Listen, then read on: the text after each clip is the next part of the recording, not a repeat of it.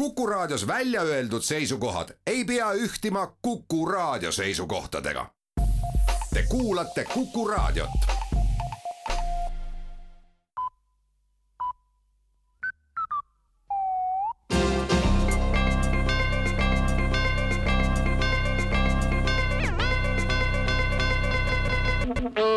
tervitus uudistestuudiost, mikrofoni juures Rohke Debelak.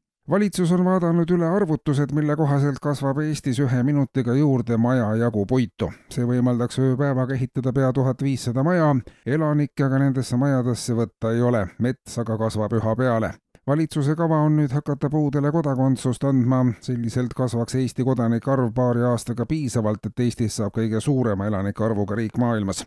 Eestis elavad inimesed on oma loomult ja temperamendilt puudega aga väga sarnased ja paljudel on puust kehaosi, eeskätt on juhtivatel kohtadel töötavatel inimestel esindatud puust mõtlemisorganid, mis võimaldavadki metsaga seotud küsimustes head orienteerumist veel on valitsuses valmimas seaduseelnõu, mis reguleerib senisest enam maksumaksja raha kasutamist. sageli pannakse pahaks riigisektori pidutsemist maksumaksja raha eest.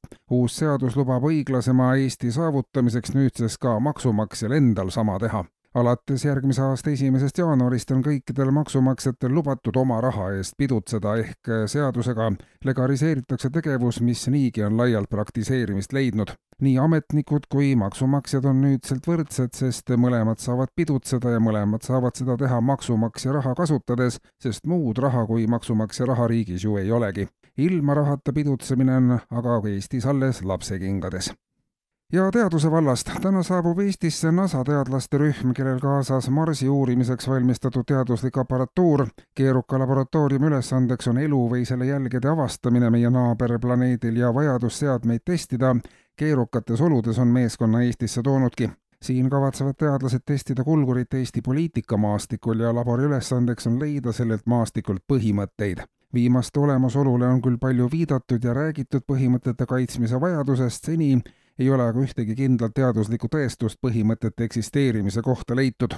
NASA teadlased on veendunud, et kui poliitikamaastikul leidub kas või üliväikeses koguses põhimõtete jäänuseid, siis need ka leitakse, samas jääb võimalus, et karm poliitiline kliima on need hävitanud. Küll näitavad Eesti poliitikamaastikust tehtud satelliidipildid, et kunagi on riigis põhimõtteid olnud päris palju ja praegused ulatuslikud põhimõttelagedad alad olid haruldased ja praktilist. maanteeamet käivitab homsest kiiruskaamerate projekti järjekordse järgu. alates homme kella kaheksast hommikul pildistavad kiiruskaamerad kõiki teedel liikuvaid sõidukeid, olenemata, kas nad ületasid lubatud sõidukiirust või mitte vastavad serverid on valmis, et infot töödelda ja nii saab võimalikuks süsteem, mis jagab kiiruseületajatele tehtud trahviraha võrdselt ära eeskirjadele vastavalt liigelnud juhtide vahel.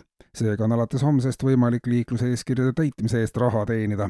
summad võivad algul tunduda tühised, kuid aasta lõpuks võib korraliku liikleja pangaarvele potsatada juba tuntav rahasumma, kogu süsteem reguleerib ennast ise, eeldatavalt väheneb kiiruseületajate arv küll mõneks ajaks ja jaotatav trahviraha väheneb samuti, see aga toob kaasa mõnede käegalöömise ja raha laekub jälle rohkem püsivalt eeskujulikult liiklev autojuht jääb igal juhul plussi ja tõenäoliselt ka ellu, näitavad arvutused. kuulsite uudiseid